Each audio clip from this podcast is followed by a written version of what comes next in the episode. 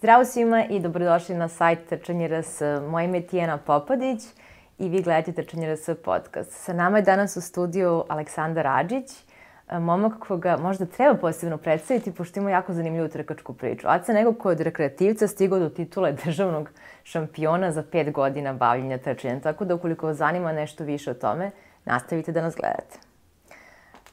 Aco, zdravo i dobrodošao. Hvala, bolje vas našao. Ja sam te ukratko predstavila, možda daću tebi svakako prostor da, da kažeš nešto više o sebi, ali mislim da je zanimljivo za naše gledalce da znaju da smo mi praktično počeli da trčimo u isto vreme, 2012. godine, to je bio tadašnji Roadrunner trčanje RS, i ti si već malo trčao kad sam došla u klub, ali eto, ti si postao državni šampion, ja nisam. Kako to objašnjavaš? Kako si uopšte počeo da trčiš? Ajde da počnemo od toga. Pa, hvala ti za nekoliko lepih reči na početku i za ovaj divan uvod. Stvarno, ta 2012. bila je jedan prelep period mog trkačkog života i uopšte trkačke karijere. Kako sam odlučio da se bavim trčanjem? Jednostavno, dosta dugo pre, pre nego što ću uopšte da počnem da se bavim trčanjem, išao sam u teretanu. To mi je bila jedina fizička aktivnost nakon jel te, radnog dana i godine su prolazile. Ovaj, u nekom trenutku došlo je do zasićenja bavljenja teretanom i želeo sam da u svoj sportski život ubacim još neku aktivnost. Ovaj, nekako sasvim spontano odlučio sam se za trčanje. Jedno veče kad sam završio sa teretanom imao sam još nešto slobodnog vremena i odlučio sam da otrčim nekoliko krugova po kraju. Tako je nekako samo krenulo od sebe. Posle toga svaki drugi dan sam izlazio na trčanje po kraju, pa je onda to postalo svaki dan. Jednostavno zavoleo sam, da, zavoleo sam još tu neku dodatnu fizičku aktivnost pored teretane.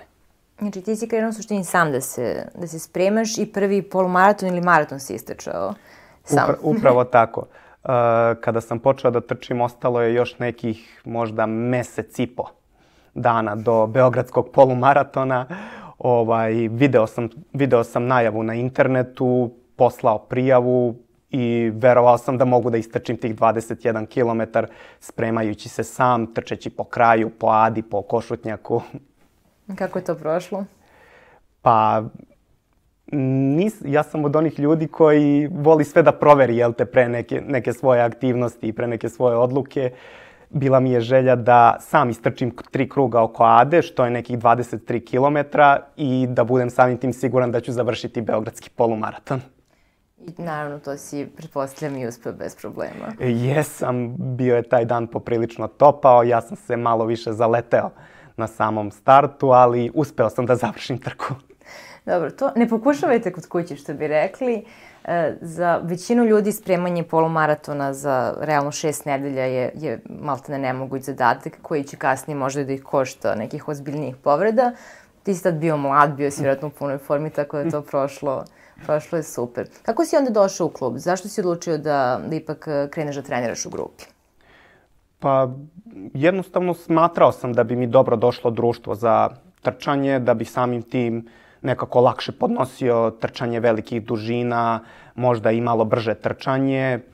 Jednostavno tražio sam po internetu ko organizuje, ko organizuje neke trkačke grupe, gde bi ja to mogao da se učlanim. Smatrao sam da u tom trenutku nisam za neki atletski klub, već za neku jednostavno grupu građana gde bih mogao da se uklopim i gde bi to funkcionisalo, jel te, na jedan fin način, a da se nešto preterano ne zamaram, niti da mi oduzima puno vremena.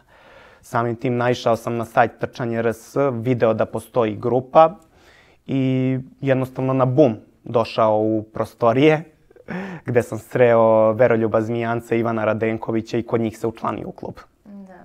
To su bili ti neki početci pre praktično 2012, pre 9 godina. Znači, to, to je na samom početku kluba si došao. Ja se sećam kao jednog mladog momka, onako sve six pack, teretana i kao trčim 1.25, mnogo sam spožen, želim da se ubrzam, što je meni ta delovalo kao naučna fantastika, kako gde ćeš brže. Ali ti se jesi zapravo ubrzo i nekako već tada je bilo jasno da imaš to nešto što, što je vjerojatno i dovelo do titule državnog šampiona. Možeš da mi kažeš nešto više o tome? Šta misliš da je presudno bilo u tvom razvoju iz rekreativnog trkača u sad već realno kompetitivnog trkača koji se takmiči za postolje na svakoj trci na koju ide? Jasno, nekako sve je došlo samo od sebe. Ja sam želeo da popravim što više vreme, kako na 5 km, 10 km polumaratonu, jednostavno da se ubrzam na svakoj distanci, ali nisam sebi nametao neki pritisak da ja to moram po svaku cenu. Jednostavno, kako, kako je vreme odmicalo, vremena su se popravljala i jednostavno sam želeo u nekom trenutku da se po mogućstvu približim nekim profesionalnim trkačima. Iako u tom periodu nisam ni verovao da ću kroz 5-6 godina doći na nivo na kome sam sada. Da. Ti si se 2016. povezao s Oginom Stojanovićem, da. on je bio posle tada tvoj trener. Da li možeš da mi kažeš nešto o tom procesu, u čemu je možda ključna razlika u treniranju sada već e, neko ko je rekreativni trkač, koji možda 3-4 puta nedeljno trči, do tog tipa treninga koji si s njim osetio koji te verovatno i doveo do medalja i svega što je sledilo? Mm, svakako. Jeste da ta 2016. godina za mene je bila možda i prelomna u ostvarenju nekih mojih velikih sportskih rezultata. Ovaj, trenirajući sam ili sa grupom, došao sam do određenog nivoa. Ali shvatam da je to verovatno u razvoju svakog sportiste dođe neki period kada, volim žargonski da kažem, dođeš u situaciju da se zaglaviš. Da mnogo treniraš, da se mnogo iscrpljuješ uz redovan posao, jel te, a da ne napreduješ i jednostavno trebala mi je neka promena. Sam sam tražio na internetu programe trčanja, sam prilagođavao sebi, analizirao, ali sam video da ne ide. Da se mnogo zamaram, a da rezultati stagniraju. Za Ognjena Stojanovića znao sam od ranije kao velikog profesionalca, dobrog trkača, odličnog triatlonca. E, čuo sam neka pozitivna iskustva o radu sa njim od drugih triatlonaca, trkača i odlučio sam da mu se obratim. Tada sam mu poslao jedan e-mail, predstavio sebe, svoje rezultate i pitao ga postoji li mogućnost da postanem član tima koji on trenira. Što je on prihvatio uz opasku da je iza njega veliki izazov da sprema nekog, jel te da kažem, poluprofesionalnog ili ajde da kažem boljeg rekreativnog trkača za neka viša dela. Da. Koliko je sada sada taj proces bio drugačiji? On ti, kako je to izgledalo? Koliko puta nedeljno si trenirao? Mislim, malo u detalje dođemo. Da Svakako. Pa, pravo da vam kažem, što se tiče samog tipa treninga, ništa se tu nešto nije promenilo. Ognjen meni nije uveo nikakav novi trening za koji ja nisam znao. Bilo je tu i treninga dužine, i tempo treninga, i intervala, i treninga uh, ovaj, sa vežbama u kretanju, ali mislim da je ključ bio nekako, neka hemija koja se stvorila između nas dvojice i u e, jednostavno obimu treninga koji on meni postavio, procenio realno situaciju, shvatio koliko ja nedeljno radim, koliko vremena provodim na poslu, koliko od toga vremena provodim u gradskom prevozu, koliko, ovaj, kako se zove, mogu jednostavno da se posvetim trčanju i jednostavno je našao neku dobitnu formulu e, da bi moji rezultati krenuli da se popravljaju. Da, znači koliko dobro smatram... shvatim, obim ti je prilagodio, da. smanjio ti verovatno obim i imao si onda prostora da napreduješ više. Jednostavno, kad, smo, kad sam počeo da treniram po njegovom programu, nekako mi je sve delovalo lako i često sam se pitao pa ne znam, ovo je meni suviše lako, da će ovo uticati na moje popravljanje rezultata, nešto se ne zamaram. Nije mi, nije mi jednostavno to to. Ne znam kako ću ja popraviti rezultate na, po osnovu ovih treninga. Ali jesi. Ali jednostavno nekako popravilo se, jel te sve i uvek sam nekako imao svežine za još, za još bolji rezultat, za još jedan interval, za još malo dužine, tako da jednostavno pronađena je neka adekvatna formula u tom trenutku. Očigledno, jer to si onda krunisao praktično titulom već sledeće godine. Možeš nešto više da nam kažeš o, o, o tom osjećaju kada si znao da si nešto ipak veliko uradio, da si sad najbolji u Srbiji na maratonu, mislim što nije mala stvar, od svih trkača.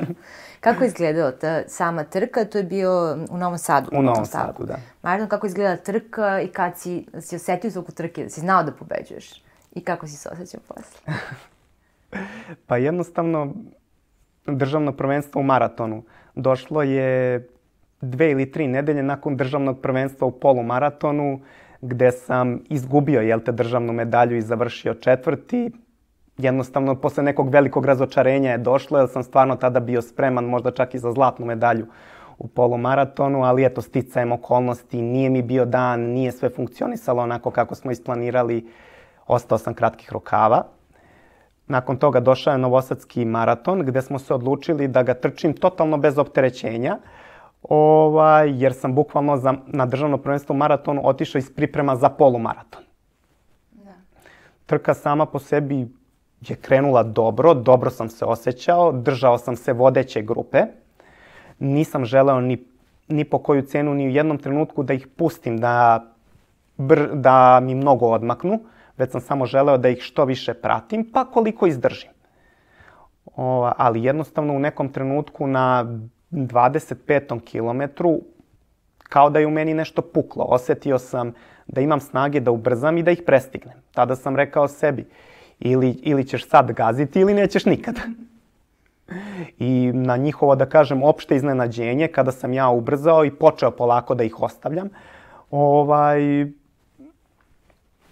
jednostavno sam stalno imao osjećaj da mogu još da dodam, još da ubrzam i polako sam se okretao i video da grupa sve više zaostaje za mnom. Tako da već na nekom 30. kilometru znao sam da ću pobediti i ovaj, da ću postati prvak Srbije. Kakav je to osjećaj? Možeš da nam to, da pokušaš da nam objasniš? E, pa, teško da mogu rečima to da objasnim. Bilo je onako poprilično emotivno, e, dosta i osmeha i suza i neke neverice, jel te, pogotovo što ovaj, neposredno posle Novosadskog maratona je trebalo i, i sin da mi se rodi, tako da se sve nešto pomešalo, jel te, u, u, u tih nekih 42 kilometra i neposredno nakon trke. Znači, to je bila neverovatna godina. Neverovatna, tako da sam i titulu tu državnog prvaka posvetio svom još tada nerođenom sinu Andreju. Super. To je dobar šlagvor za moje sledeće pitanje. To je ko si ti van trčanja? Ti od trčanja ne živiš. Ti imaš posao od 9 do 5, 8 do 4, ne znam. Kako izgleda dan? Pa, dan je poprilično popunjen. Ovaj, ustajem jako rano, već negde oko pola šest, da bi odradio jutarnje vežbe ovaj, snage. Nakon toga sledi pripremanje za posao, odlazak na posao gde sam otprilike do pola četiri, pola pet po potrebi. Nakon toga ide se na trening. Posle treninga trči se kući da bi se malo posvetio porodici, pogotovo detetu. Ovaj, dok je još mali, ovo je možda i najlepši period mog života. Da. Tvoja porodica je, tvoja žena je isto trčala, koliko znam? Jeste. Jeste se upoznali na trčanju ili? Upravo to, upoznali smo se na trčanju, dok je ona bila članica BRC-a, ovaj, sasvim, jel te, slučajno na, na Adi nakon što je završen trening. Znači, to je stvarno jedna prava trkačka ljubavna priča. Da. A svaki dan treniraš?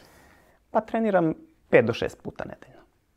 Mis, mislim, to je ta formula tvoja. Jednostavno, ali da kažem, treninzi se razlikuju neki trening je lakši, neki teži, jedan trening je jak, sledeći trening je trening oporavka, ali da to bude nekih pet puta nedeljno.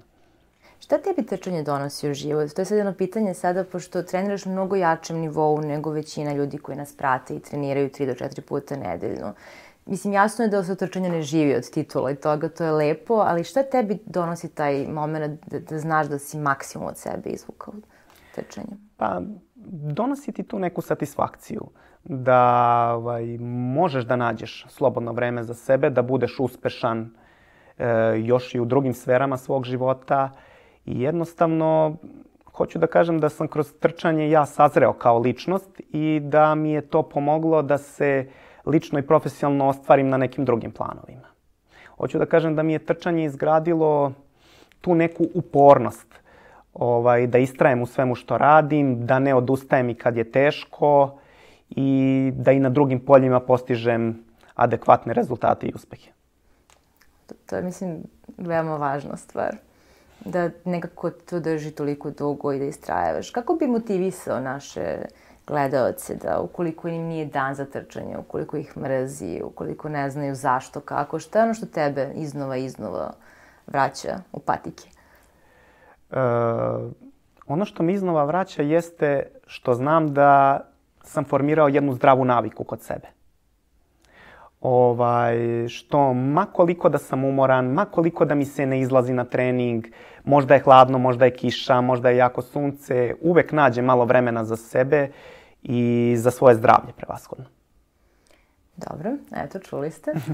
Sada je jedna tema koja je onako malo možda gorka, to je četvrto mesto u Kruševcu. Izmakla ti je medalja za, za frtalj. Možeš nešto više da nam kažeš o tome i kako izgleda trka i da li si taj osjećaj kada nešto za malo ne dobiješ, za razliku od ovoga kada dobiješ. Kako to iz ugla kompetitivnog trkača izgleda?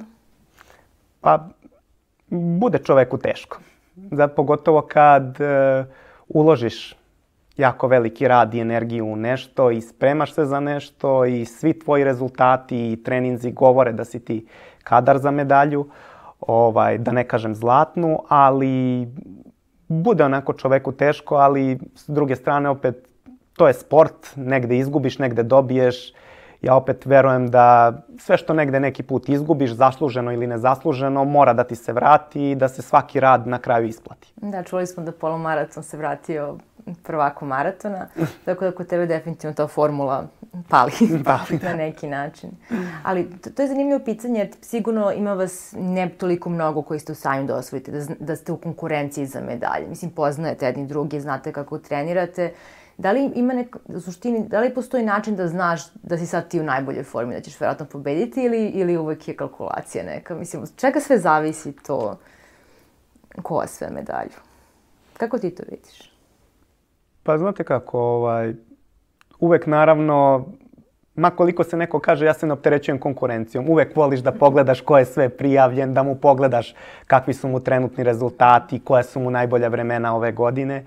Ali jednostavno kada startuje trka ja kažem ma koliko da si spreman, može nešto da krene loše ili da ti ne ide, jednostavno sve zavisi od dana. Znači na kraju jeste Jednostavno tvoje neko raspoloženje, često se dešava da pobedi neko ko možda u tom trenutku nema najbolje rezultate, nije najspremniji, ali jednostavno u tom trenutku sklope se neke kockice i postigne rezultat možda i za koji nije u tom trenutku spreman. Koja je tebi najdraža trka? Mislim, pretpostavljam svakako državno, državna medalja, ali pored toga, koji format voliš sada, gde onako misliš da najviše možeš da daš, da li ima neki poseban trenutak koji pamtiš koji nismo spomenuli koji bi volao podeliš s gledalcima? Pa svakako da mi je državno prvenstvo u Novom Sadu u maratonu najdraža trka, ali izdvojio bih još par trka koje su mi onako baš prirastale za srcu, što zbog ljudi koji organizuju prijateljske atmosfere, uvek dobre konkurencije, jednostavno zadovoljstva da dođeš i da se iznova vraćaš u ta mesta, jesu svakako Somborski polumaraton. Koji mi je verovatno posle Novog Sada najdraža trka i izuzetno mi je drago što je moje ime upisano na listu pobednika Somborskog polumaratona, jer je to naša najstarija ulična trka. I svakako će imati značajno mesto i u narednim godinama i u kalendaru srpske i evropske atletike. Onda izdvojio bih još e, Bečejsku trku na 10 km, gde su stvarno ljudi gostopri, gostoprimljivi, gde se jako lepo ophode prema tebi, onda Kovačica, izdvojio bih svakako i zimski noćni polumaraton ovaj, koji organizuje moj veliki drug Nemanja Katanić. Da, pozdrav za Nemanju, prijavite se, otvorene su prijeve. A koji format trke najviše voliš? Mislim, tvoj trening, da li je optimizovan za polumaratone, maratone sada ili za srednje distance? Pa, prilagođeno je i ono što najviše volim da trčim jesu distance od 5 km do polumaratona. Da, zato što verovatno ti je maraton... Maraton zahteva posebnu, da. posebnu pripremu i jednostavno da kažem, kao što sam rekao, nekako mi se državna titula u maratonu vratila, a bio sam spremniji mnogo za polumaraton. Pa dobro. To je isto zanimljivo. A sad mi reci, vezano za tvoj trkački kalendar, da li već sada znaš šta tačno trčiš u 2020. i kako praktično praviš optimizaciju? Da li imaš trku u jednu A u prolećnu, jednu u jesenju sezoni, više manjih ili nekako ipak ima prostora da kao, a vidi ovo je zanimljivo, trčat ću tamo sledeći vikend? E, pa znaš kako, ovaj, još nemam nikakvih planova za 2020. godinu posebnih, sem jedne trke. To će biti polumaraton u Barceloni ovaj, koji ću trčati sa suprugom u paru. jer nam baš tada i pada godišnjica braka, ovaj, pa će to biti jedno lepo putovanje. Za 2020. godinu što se tiče planova, nemam ih preterano. Želim da se u narednom periodu malo više odmorim. Jer nakupilo mi se dosta umora od trka, pobeda, poraza, jurenja za, vremen, za vremenima, ličnim rekordima i slično. Tako da želim da u narednom periodu se malo više odmorim, pa ćemo videti šta i kako u budućnosti. Ne mogu za sada još ništa reći. Dobro, ne želim ti mnogo sreće za Barcelonu, pošto očigledno trčite iz i zadovoljstva i ljubavi, nećeš juriti rezultat. Ali za bilo šta drugo što budeš trčao, stvarno ti želim da, da budeš odmoren, da daš svoj Hvala. maksimum. Što se tiče 2020. i planova, mislim, rekli smo već da, da želiš da se odmoriš, a dugoročno, da li postoji neki cilj koji, koji te onako mami, koji misliš da, da ćeš dobaciti, a nisi do sada? Pa znate kako, s obzirom da već imam 33 godine i ovaj, da sam verovatno sada u nekim svojim najboljim godinama, smatram da ono u budućnosti treba malo da smanjim obim treninga, obim trka i da trčim više za svoje zadovoljstvo, za uživanje i da nekako budem uzor svoj, svojoj deci za zdrav način života i da i oni kroz, ne, kroz mene zavole trčanje ili bilo koji drugi sport. To, to zvuči baš lepo. um, malo da se osvrnemo na trke u Srbiji dodatno. Rekao si koje su tebi najdraže. Šta misliš generalno? Ima previše, dovoljno? To nekako pitamo sve ljude koji se bave trčanjem. Koje bi eventualno trke manje poznate preporučio našim gledalcima? I šta je generalno tvoje osjećaje? Šta bi moglo da bude bolje u Srbiji? Pa mogu reći da poredeći sadašnji period i period kada sam počinjao da trčim, mnogo više ima uličnih trka u Srbiji, ovaj, kada sam počinjao te 2012. 13. to je možda bilo 5-6 trka, a sada ih ima previše, kalendar je zgusnut. Ovaj, I da li je to dobro ili je loše, u ovom trenutku ne mogu reći. Svakako da je s jedne strane dobro, iz prostog razloga što se budi ta neka trkačka svest kod ljudi. Možemo videti da sve više ljudi se bavi trčanjem, bavi sportom, a opet za druge strane za ljude koji stvarno vole trčanje išli bi na puno trka, to je previše i ne mogu da uklape sve u svoj kalendar, jel te? Da, mora baš da se dobro probere. Šta da. bi preporučio? Pa svakako bih preporučio Somborski polumaraton, preporučio bih polumaraton u Kovačici, polumaraton u Kruševcu, trku na 10 km u Bečeju, Subotički polumaraton. Je li ima neka trka da nisi trčao? Hmm. Mislim, verovatno, ali ti pada nešto? Ima, evo, pokušavam da se setim. Pa mogu reći da nisam trkao ove novo, trčao ove novo nastale polumaratone. Svilajnac, Leskovac. Uh, nis, nisam trčao u Jagodini. Eto. Pa dobro, ima vremena za sve. A, ti si se ove ili prošle godine vratio u matični klub na neki način. Da. Sad si član Beogradskog trkačkog kluba. Da. Kako to izgleda kad se ono napravi pun krug i vratiš se kući? Pa izgleda kao, kao korak od sedam milja. Prosto, prosto nakon nekog perioda poklopili su se, da kažem, neke naše ideje ponovo, što ljudi iz Beogradskog trkačkog kluba, što moje. Ovaj, I na moju veliku radost, jel te, ja sam se vratio u Beogradski trkački klub i jako mi je drago što sam BRC-u doneo državnu medalju uh, bronzanu na prvenstvu Srbije u polumaratonu, tako da želim da, jel te, da dam neki svoj doprinos koliko sam u mogućnosti da BRC postane još bolji, još masovniji klub i još bolji na svim nivoima. Da, ti praktično sad predvodiš neku armiju od 300-400 rekreativaca koji teče iza tebe. Tako da svakako si velika inspiracija za sve njih. Mislim, možda drago budu da budući tako. šampioni tu. Pa, bilo bi mi drago da iz armije ljudi, jer te se izdvoji bar još jedan, dvoje, troje koji mogu da ostvare rezultate koji su približni mojim, ako ne i bolji. Znači, ja, vero, ja bi bio presrećan da neko ostvari rezultate koji su bolji od mojih. Koji ti je najbolji rezultat na, na maratonu? Koji, na polumaratonu, čisto da znaju ljudi da. prilike. Na maratonu 2 sata i 40 minuta, a na polumaratonu sat i 13 minuta. Svaka čast, Aleksandra. Uh, za kraj, mi slavimo 10 godina trčanja RS i rekreativnog trčanja našeg. u ove godine. Šta bi poručio nama za rođendan i šta bi poručio našim gledalcima za novu godinu?